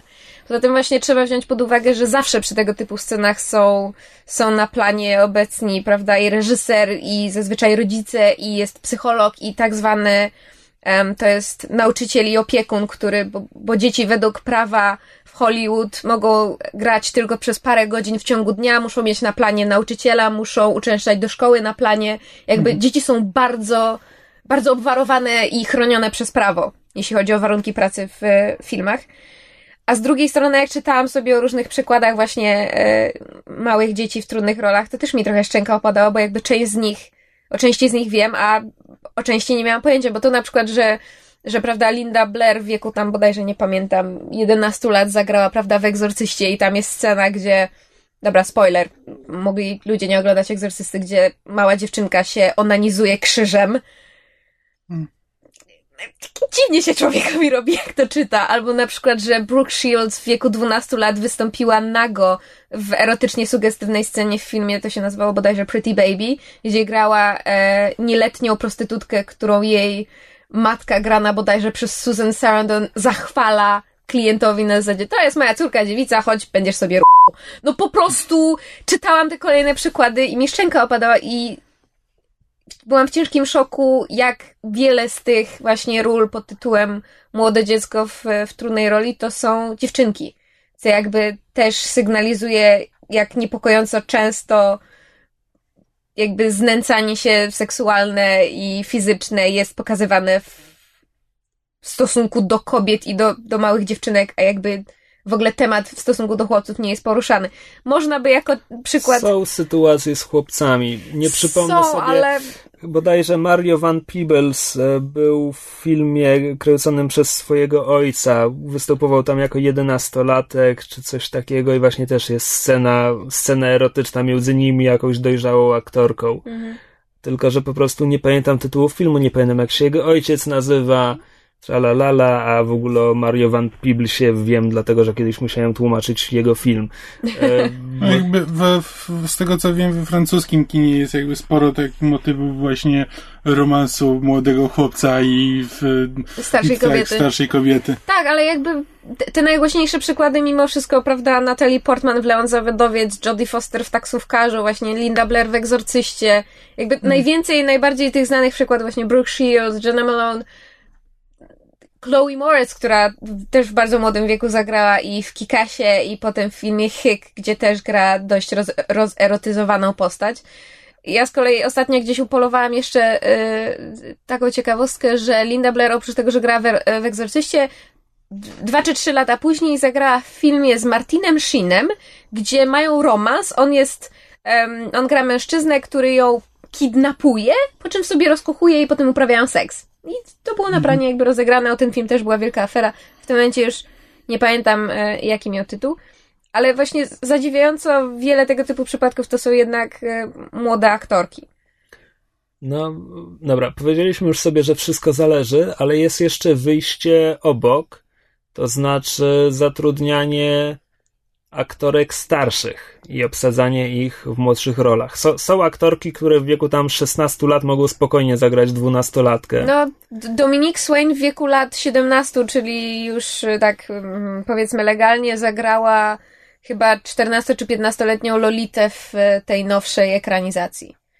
Ale to też było kontrowersyjne. A Ellen Page w Hard Candy, jeśli dobrze pamiętam, Tak. grała tam postać ze 4 lata młodszą od jej Grała chyba 14-latka, sama była na pewno pełnoletnia już w No tym właśnie, momencie, może tak. miała 19. No więc jakby są, są aktorki i aktorzy, gdzie po prostu da się to zrobić, żeby wiesz, wziąć doj, dojrzalszą osobę i, i tak, żeby, żeby w filmie wypadła wiarygodnie w roli dziecka. Mm. Więc da się to obejść. Poza tym ja też jak, jak o tym myślę, to że, jak ktoś gra właśnie w tego typu kontrowersyjnej roli, dziecko, to lepiej, żeby ten film był hitem. Bo jeśli zagrasz w hicie, to potem będziesz przynajmniej chwalony przez że to było takie dojrzałe i że to jest dobrze wyszło i jakby jest, wiesz, masz e, feedback ze środowiska, który ci mówi o tym, że doskonale udawałeś w tej scenie i dobrze ci to wyszło, a z drugiej strony, jeśli to będzie kompletna klapa, nikt tego filmu nie obejrzy, to to będzie tylko pożywka dla innych dzieci, żeby się z ciebie śmiały. Znaczy, umówmy się, e, jakby z tego, co właśnie czytałam artykuły, to wbrew pozorom największe reperkusje są nie z tego, że zagrało się w takim filmie jakby doświadczenia z planu, tylko właśnie to, co z tym potem robią media. Właśnie No, Brooke Shields, która miała chyba 15 lat, kiedy zagrała w Błękitnej Lagunie, gdzie są sceny e, seksu między dwójką właśnie niepełnoletnich dzieci. To była cała afera. Ona, ona zeznawała przed kongresową komisją, że nie uprawiała na planie seksu, że używano body doubles w scenach, gdzie oni byli nadzy, że w scenach, kiedy ona jest z nagimi piersiami, to miała włosy przylepione do piersi, żeby jej w scenach, jak biega, nie było widać nagich piersi na ekranie. No po prostu poziom obsesji na punkcie właśnie tego typu ról jest strasznie duży. To może, żeby zakończyć ten wątek kolejną anegdotą. Ponoć, to wszystko jest wyczytane w internecie, więc diabli wiedzą ile w tym prawdy. E, Stanley Kubrick i cała obsada i wszyscy, ekipa i wszyscy na planie lśnienia, E, wiem o jaką No. anegdotę ci chodzi, tak. tak, że wszyscy na planie lśnienia e, udawali przed chłopcem grającym syna A, postaci Jacka Nicholsona, wszyscy udawali, że kręcą nudnawy film o rodzinie, która jedzie do hotelu Znaczy, gdzieś w dziczy, do tego, do tego stopnia, że jak...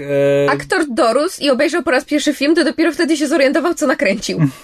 tak, że, że, że on tam w pewnym momencie, że nie miało go być na planie, ale pojawił się na planie tego dnia, kiedy kręcili sceny e, z, z siekierą, Hir z żony i, i całą resztę, e, że Jack Nicholson zaczął udawać tańczącego Indianina z Tomahawkiem. No tak, właśnie, to wszystko jakby... po prostu zależy od tego, jaką opieką się otacza to dziecko i czy ktoś to rzeczywiście robi ze świadomością, jakie to może mieć konsekwencje dla tego dziecka i robi wszystko, żeby, te, żeby im zapobiec, czy to jest po prostu wykorzystywanie, wykorzystywanie dzieci. No, a to niestety Hmm. jest bardzo ciężko stwierdzić, po prostu siedząc przed, e, przed ekranem. No ja się zgadzam z Krzyśkiem, jest bardzo wiele aktorek, które są w stanie, mimo za, za, zaawansowanego, mimo sporego wieku na karku zagrać y, wiarygodnie młodsze postacie i jakby to jest coś, co jest praktykowane nagminnie w serialach. No przecież większość obsad seriali, które, których postacie są na przykład w liceum, to są osoby już No nie, grubo to, pod to, to, to, 30. to zupełnie inny przykład i akurat słabo wypadający Nie na tak, ale jakby tego typu zagrania, starsze, starsze aktorzy grające młodsze postacie jest na tyle nagminny, że właśnie aż można by zaryzykować to, żeby, żeby częściej to jest na wykorzystywać. tyle nagminne, że przez Glee mam wrażenie, że już nie jestem w stanie ocenić wieku e, ludzi przed 18 rokiem życia, bo mam zupełnie inny obraz tego, jak powinien wyglądać 15-16-latek. No. Dobrze, Masz e, już? tak, proszę cię bardzo. Tylko może w każdej chwili zgasnąć. Awesome. Czwarte i ostatnie pytanie Skinbowsa. I w końcu wprowadzanie książek na rynek filmowy. Jasne, niektórzy wolą film od książki, ale na przykład, jeżeli potem już sięgnie po pierwowzór, to zabawa spada, bo najważniejsze wątki mamy już odkryte i takie osoby może to zniechęcić. I jeszcze zmienianie treści. Jeżeli to ma być film dla wszystkich odbiorców, to okej. Ale jeżeli tylko dla fanów, to nie starajmy się ukryć niedociągnięć. Dlatego tak bardzo podobał mi się The Amazing Spider-Man 2. To on jest na podstawie książki? Pierwsze słyszę. Sorry. Znaczy, tak, po pierwsze to jest spisane z założeniem, że główną wartością filmu jest fabuła i że jak się już zna, to nie ma nic więcej do oglądania. Pardon, sorry, e, wy rozumiecie to pytanie, bo ja nie. Tak, to jest kwestia Tak. jakby... Dobra, jak wy rozumiecie to pytanie, żebyśmy odpowiadali na to samo No przynajmniej? to jest... Dla mnie to jest jakby całe zagadnienie pod tytułem adaptacja, czy tam ekranizacja, jakby tego nie rozumieć. To jest kwestia tego, czy jak bardzo film musi naśladować książkę, czy mają naśladować, czy wolno mu zmieniać, ile zmieniać, czy jak zmienia, to bardziej próbuje być dla fanów, czy dla szerokiej publiczności, które jest bardziej słuszne. To jakby cały temat tego adaptowania książek na filmy. Dla mnie to jakby mam wrażenie, że o to Michałowi chodziło. Masz takie samo wrażenie?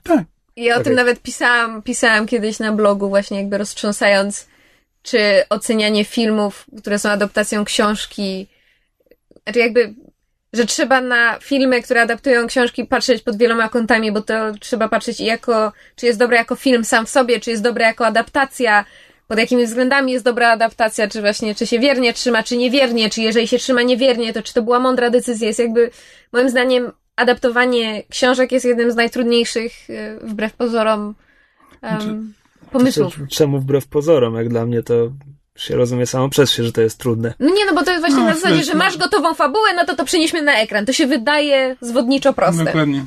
Tak, to mogliśmy w sekcji newsowej, ale bo już jest potwierdzone, że nie, amerykańscy bogowie nie powstaną, bo HBO po Nie, nie, nie, powstaną u HBO. U, u HBO, po HBO, straci, HBO, straciło jakby z, e, licencję, minął, minął tam odpowiedni okres, kiedy musieli zrobić ten serial, po prostu stwierdzili, że NBC będzie być może, miało w każdym razie, próbę. w każdym razie stwierdzili, że nie są w stanie, nie byli w stanie stworzyć scenariusza, który byłby, który oddałby to w odpowiedni sposób. W trzecim kroku twórcę wyznaczy prezydent. E, ale wiesz co, podobało mi się właśnie to, że, że ci ludzie z HBO się przyznawali, że no, mieliśmy scenariusz, ale on nas nie zadowalał. No tak. Że, tak. Że, że wiesz, że, że oni sami wolą, żeby ktoś inny zrobił to być może lepiej, niż, niż żeby oni Znaczy, wiesz, zrobili słaby. HBO w ogóle, to, to jest też, to, to jest zbaczamy z tematu, ale myślę, że to, e, to jest jakby interesujący temat tego, co robi HBO, bo HBO tak naprawdę w ogóle nie zależy na ratingach, na tym, ile osób tam ogląda e, tę seriale. Oni oni mają za zadanie tworzyć kulturowe fenomeny. E, I oni... Znaczy, wiesz to też łatwo, łatwo im mówić, że im nie zależy na ratingach w momencie, kiedy Gra o Tron bije rekordy. Czegokolwiek. No właśnie. Nie tak, ale wiesz, na seriale typu, nie wiem, tam y, Silicon Valley właśnie, y, czy na przykład y, program Johna Olivera, to jakby to, czy, to, czy tam ogląda to y, m, 6 milionów osób, nie jest tak ważne, jak to, ile osób jest w stanie kupić HBO tylko dla tego programu. E, dlatego oni muszą tworzyć jakby e, fenomeny tak, żeby ludzie czuli, inni ludzie się potem czuli wykluczeni, bo nie wiedzą o czym inni rozmawiają, więc muszą kupić HBO, żeby obejrzeć grę o Tron w, w, w dniu, kiedy leci, żeby móc następnego dnia w pracy o tym porozmawiać, albo obejrzeć tam Silicon Valley, Znaczy jeśli tak, są dla, dla nich i jest tak dalej. nieważne, czy oglądasz ich program, ważne jest, żebyś kupił to cholerne HBO. Tak, że po prostu chodzi o to, żeby ludzie się poczuli, że ludzie mieli na sobie presję, że powinni wiedzieć, e, znać ten serial i wiedzieć, o co w nim chodzi. No dobra, ale ponieważ uciekliśmy od pytania bardzo, bardzo daleko, hen przez pola, Tak. przez lasy, to na koniec tylko mogę powiedzieć, że adaptacje były kiedyś tematem tygodnia w Myszmaszu. Nie przypomnę sobie teraz, A tak. który to był odcinek, ale myślę, że W naszym spisie jest. jest do znalezienia na Tak, stronie. ale jakby interesujący, um, interesujący motyw, mam wrażenie, że nie rozmawialiśmy o tym e, wtedy, to jakby to, że że Skinball coś takiego poruszył, że jeśli już znamy pierwowzór, to czy jest po co oglądać e, adaptację? Czy Odpowiedź jest- zawsze brzmi tak. Właśnie, y, jakby e, z jednej strony to uciekam od spoilerów, jakby nie lubię jak, e, jak ktoś mi, e, jak ktoś mi spoiluje, e, ale nie na przykład, e, nie w Grze o Tron. Na przykład Grę o Tron czytałem, tam jeszcze nie całą, ale w każdym razie to, co do tej pory widzieliśmy, to jakby znam z książek, e, ale mimo wszystko ogląda mi się serial e, fajnie, no bo jakbym nie chciał, gdybym oglądał ten serial po raz pierwszy, nie czytając książek, to nie chciałbym, żeby ktoś mi opowiedział, co się stanie w, e, co się stanie w odcinku. E, Bo, uwaga, spoiler do pierwszego sezonu, jeśli ktoś mi po prostu powie, o, Ned Stark ginie pod koniec pierwszego sezonu, no to mi zepsuł przyjemność. Natomiast jeśli to przeczytałem wcześniej, jeśli przeczytałem książkę, to jakby doceniam potem w serialu, doceniam de, de, Jak to zostało tak, bo zrobione? po pierwsze to jakby książka opowiedziała mi to lepiej niż, niż ktoś, kto mi mówi Ned Stark ginie pod koniec pierwszego sezonu. To jakby miałem już tą, miałem już tą podróż odbyłem raz, e, kiedy się nagle, nagle zdziwiłem i e, właśnie wyżej zmiankowany mindfuck odczułem na sobie. Ale potem oglądam serial, jakby już zwracając uwagę na zupełnie inne rzeczy, zwracając uwagę na to, w jaki sposób to się pokrywa z moim wyobrażeniem, e, na ile odchodzą od tego, co zmieniają i tak dalej, i tak dalej. Po prostu oglądam, doceniając zupełnie inne rzeczy niż to, co doceniałem, kiedy po raz pierwszy czytałem książkę. No. Ja się z Kamilem całkowicie zgadzam. Jakby dla mnie nie ma czegoś takiego, że a, przeczytanie pierwowzoru odbiera frajdę z filmu, albo znajomość filmu odbiera frajdę z czytania książki. Jasne, jedno na drugie potrafi rzutować i, i potrafi zmienić odbiór jednego albo drugiego medium, ale to jakby nigdy nie odbiera frajdy, nigdy nie jest argument, żeby a widziałam film, to teraz nie będę sięgała po książkę. Właśnie, e, bo jest też e, taki argument, który wielokrotnie słyszę od osób, które nie zwracają uwagi na spoilery, którym nie przeszkadzają spoilery zupełnie, e, to, że były badania i tak dalej na temat tego, że właśnie ludzie, że już wiedząc na przykład jak się skończy dany film, to odczuwają większą przyjemność z, ogląda z oglądania go. Nie wiem na ile to są, na ile to są jakby badania, nie znam metodologii, nie wiem czy one są, czy to jest rzeczywiście e, na zasadzie eksperyment Zimbardo więzienny, czy to jest, wiesz, tam 10 osób, które jakiś brało udział w jakimś eksperymencie. Zamknęli czy... 20 osób w więzieniu i 10 osób czytało książki, a 10 osób im mówiło, co jest na ostatniej stronie. nie, no, Fight! Nie, że było, było po prostu, wiesz, no to, jakby czy, czytałem o tym eksperymencie, że była, wiesz, jedna grupa, która właśnie zna, znała ten film, a inna grupa, która, e, z, której nikt nie powiedział. Nie, nieważne, dobra. Tak, rozumiemy. Świetnie, świetnie ci idzie. Tak. Dalej. Oj, no bo mnie wybiłeś z rytmu. Wybiłeś jego wysokości z rytmu. W każdym razie, że ten argument e, się pojawia wielokrotnie, że no, że można, że właśnie, że można oglądać filmy, znając, wiedząc co się dzieje, jakby doceniając inne rzeczy. Jakby e, zgadzam się z tym i też wielokrotnie oglądam, e, jeśli znam już fabułę, na przykład y, czytając Harry'ego Pottera, czy tam słuchając Harry'ego Pottera, jakby wiedziałem, kto ginie, w którym tomie ginie, ale jakby słuchałem nawet, właśnie było, było to tyle ciekawsze, że po prostu y, jakby te Harry Pottery, już jestem za stary na Harry Pottery, albo po prostu do mnie już nie trafiają i nie do końca, nie do końca jestem fanem tych książek po trzecim tomie. E, ale jakby byłem po prostu ciekaw, że wiedząc właśnie e, jak to się skończy, tak, jak, jak, to się skończy, jak się do tego doprowadzi. Tak, jak, jak, jak autorka e, to przedstawia. Co nie zmienia faktu, że to nie jest argument, żeby ludzi specjalnie spoilować. Tak, ale mimo wszystko, e, jeśli wolę, jeśli mam wybór, to ja wielokrotnie nawet nie czytam recenzji. Jeśli wiem na przykład, że jest jakiś film, który mnie po prostu interesuje z racji tego, o czym opowiada i wiem, że go obejrzę tak czy inaczej, to unikam jakichkolwiek recenzji, jakichkolwiek informacji, bo chcę do niego podejść e, z absolutnie czystym, czystym umysłem i po prostu zobaczyć, jak mi się podoba ta podróż, na którą chcą mnie zabrać twórcy. No dobra, to skoro już tak dogłębnie i wnikliwie odpowiadamy na to pytanie, e, jak podchodzicie do sytuacji, kiedy w ramach adaptacji, na przykład, e, przykład wzięty z powietrza, w ogóle nie wiem skąd mi się wziął, kiedy przerabiają książkę na serial i w serialu uśmiercają postacie, które przeżyły w książce. Żeby, nie wiem, zaskoczyć widza, który zna książkę.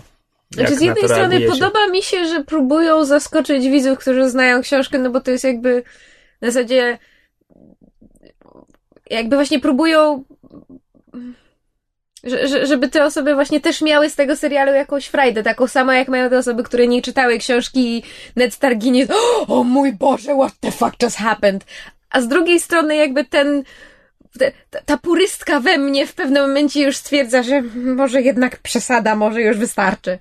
A, a ja nawet nie czytałam tych książek, więc to jakby... Jakich książek? Przykład wziął to z powietrza. Krzysiek Ryżniegówa. Znaczy, ja na przykład y, oglądając Walking, y, Walking Dead, jakby tam, tam jest bardzo dużo motywów, w których ktoś ginie albo ginie później niż w komiksie, albo przeżywa, albo postać, która w komiksie jest żywa, ginie. Czekaj, to jest nasz komiks? Co? Przeczytałem tam parę pierwszych, parę pierwszych, jakby wiem na pewno o jednej tam, y, nie wiem na ile mogę tutaj spoilować.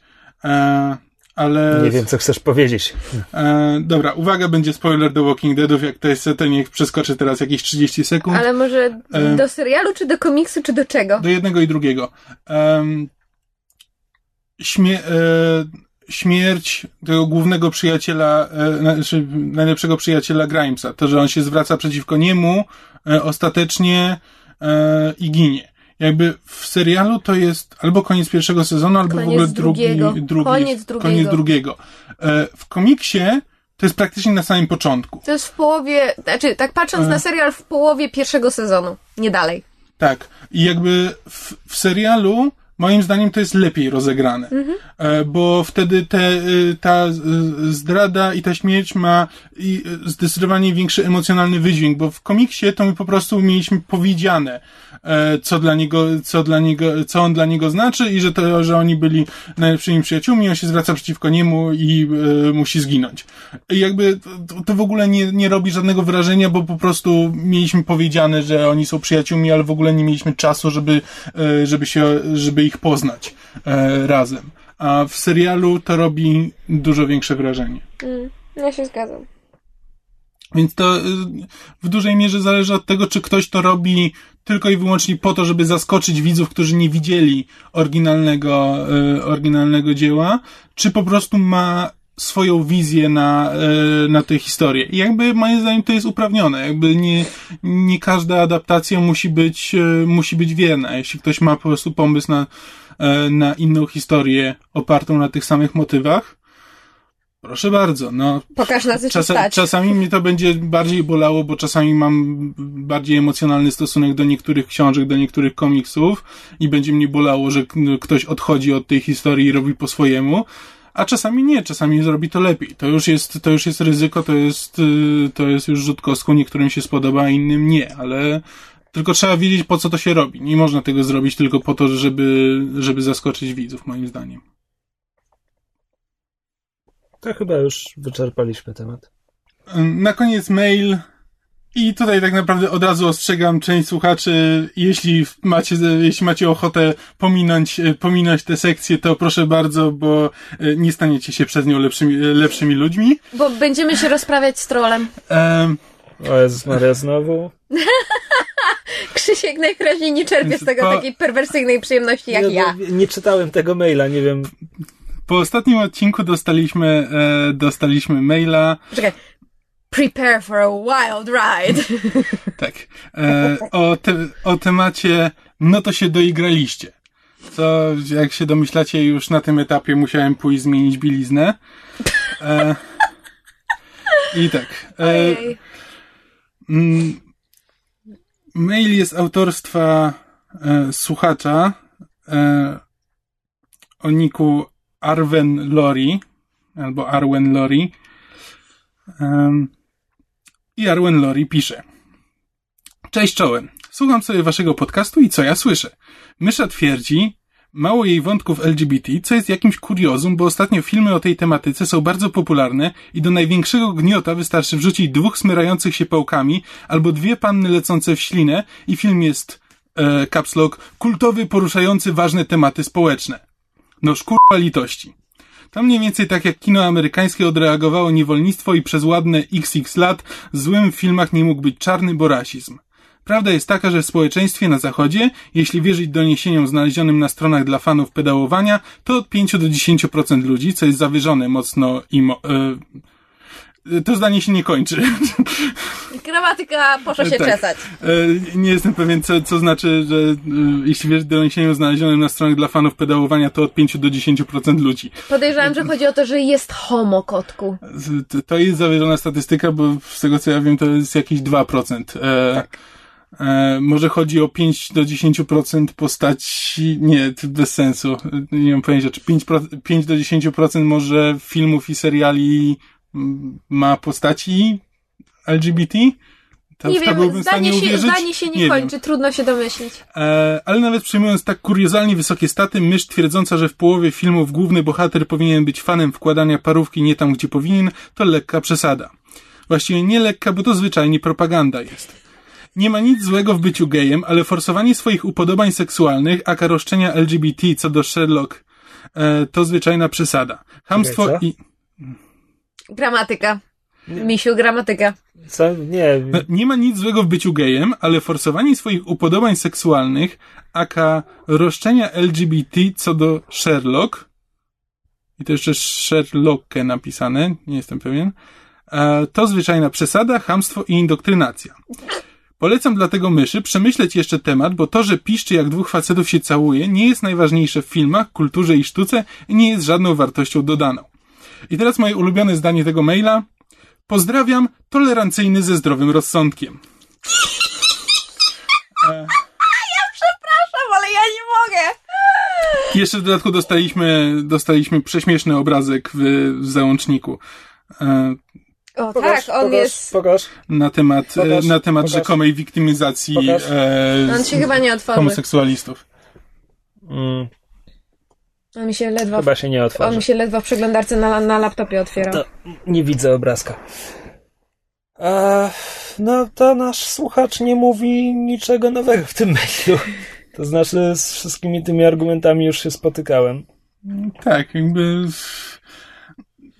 To znaczy, wiesz co, nie mogę się z nim nie zgodzić w pewnych e, kwestiach. Pewnie tak. Znaczy, to, że na przykład em, wiesz, to, to, że na przykład filmy musiały jakby e, wprowadzały postaci e, czarne jakby po e, tak lata 70., 80., e, że jakby zaczęto wprowadzać coraz więcej czarnych postaci, nawet prawdopodobnie w kontekstach, w których nie miało to do końca sensu.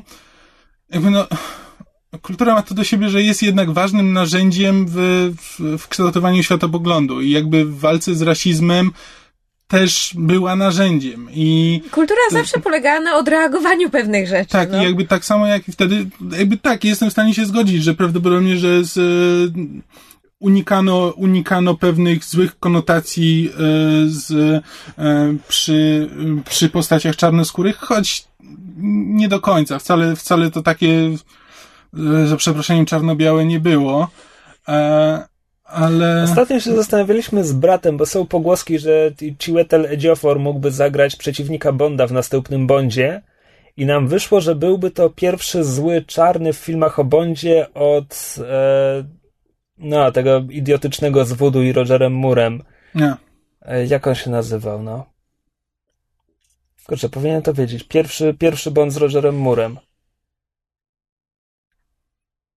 Kiedyś to wiedziałem. No w każdym razie tam Roger Moore walczył ze złymi baronami voodoo czy cokolwiek i, i potem już nigdy nie miał czarnego za głównego przeciwnika.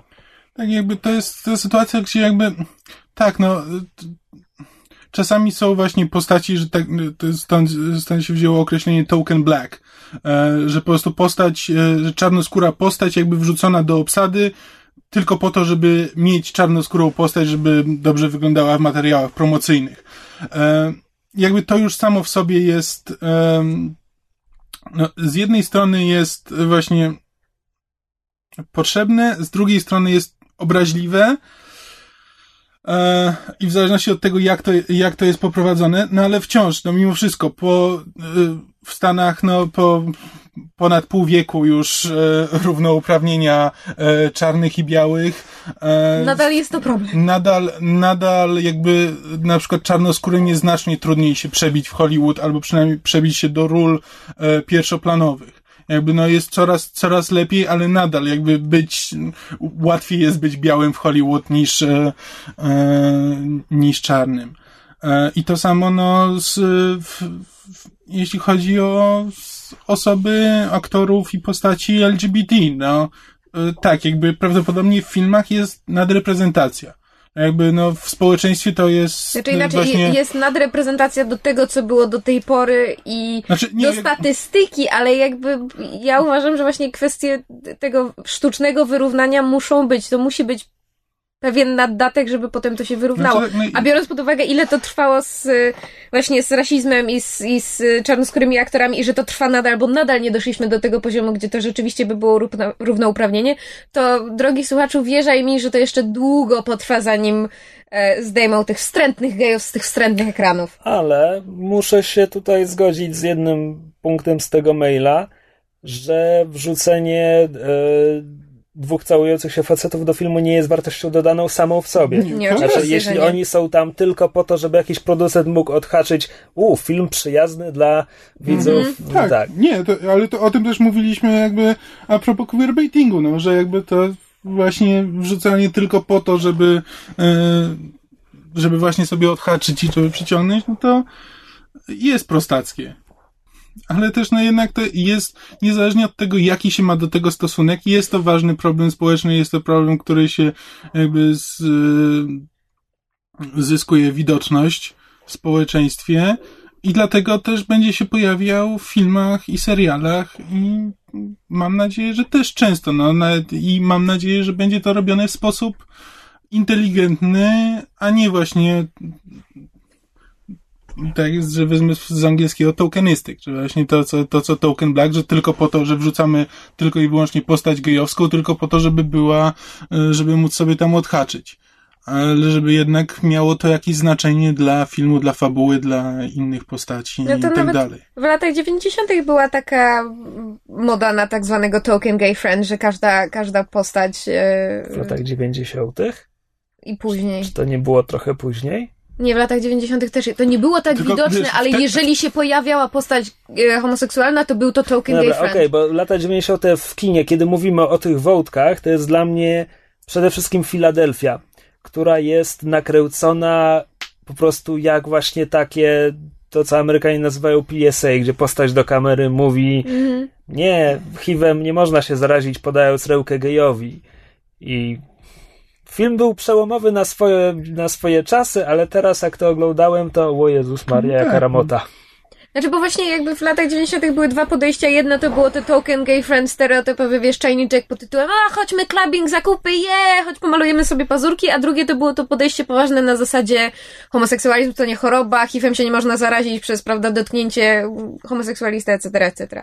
A, ale jakby ten walka z tym stereotypem właśnie token gay best friend długo trwała i trwa nadal, bo to ten stereotyp nadal funkcjonuje i właśnie to, to że że jakby to, to, co Kamil powiedział, że jakby powinno się wprowadzać te postacie nie po to, żeby one były, bo, bo muszą być reprezentowane, tylko żeby po prostu pokazać, że wszyscy jesteśmy ludźmi, no po prostu każdy Tak, z nas jak- zasługuje na swoją własną historię, fabułę, miłość, życie, no wszystko. dokładnie, no, dlatego też, jakby, dlatego właśnie ja chciałem przeczytać tego maila, bo jakby forma, w jakiej jest napisany, jest, jest dla mnie mierząca e, i nie boję się tego przyznać, ale no jakby rozumiem pewne, pe, pewne argumenty e, s, i pewne, i one niektóre są zasadne, tylko że no można to by było... Wynikają z... Tak, ale s- pisanie o parówkach i z, e, a potem twierdzenie, że jest się tolerancyjnym, I rozumnym. to, tak, to nie, się dla mnie z- kłóci. z, ze zdrowym rozsądkiem, przepraszam, nierozumnym. Tak. O rozumie nie ma ani słowa. Nic dziwnego. Żyj i pozwól umrzeć. A, there it is! Dobrze, Myślałem, że więc ty mówisz do mnie a Właśnie- propos... ja też chciałem, zakończmy tym, żyjmy, pozwólmy umrzeć. E, Pierwszy Albo żyjmy- Ro- Rogera Mura w roli Jamesa Bonda. Tak, Żyj i albo- pozwól umrzeć. tak, i żyjmy, pozwólmy żyć i, na, e, e, i Arwen Lori i z, e, Gejom. Tak, i gejom, I lesbijkom, tak, i wszystkim czarnoskórym, innym. i białym, i tak, po prostu na tym zakoń, zakończmy Peace and Love. I do zobaczenia za tydzień. Bye! Krzysie się nie żegna. Hmm, Co? Cześć, tak, pa. Co? Słuchaliście podcastu Myszmasz. Możecie nas znaleźć na myszmasz.pl lub polubić nasz fanpage na Facebooku. Możecie nam także wysłać maila na myszmaszpodcast.gmail.com Jeśli do nas napiszecie, będziemy szczęśliwi jak pingwin na bungee.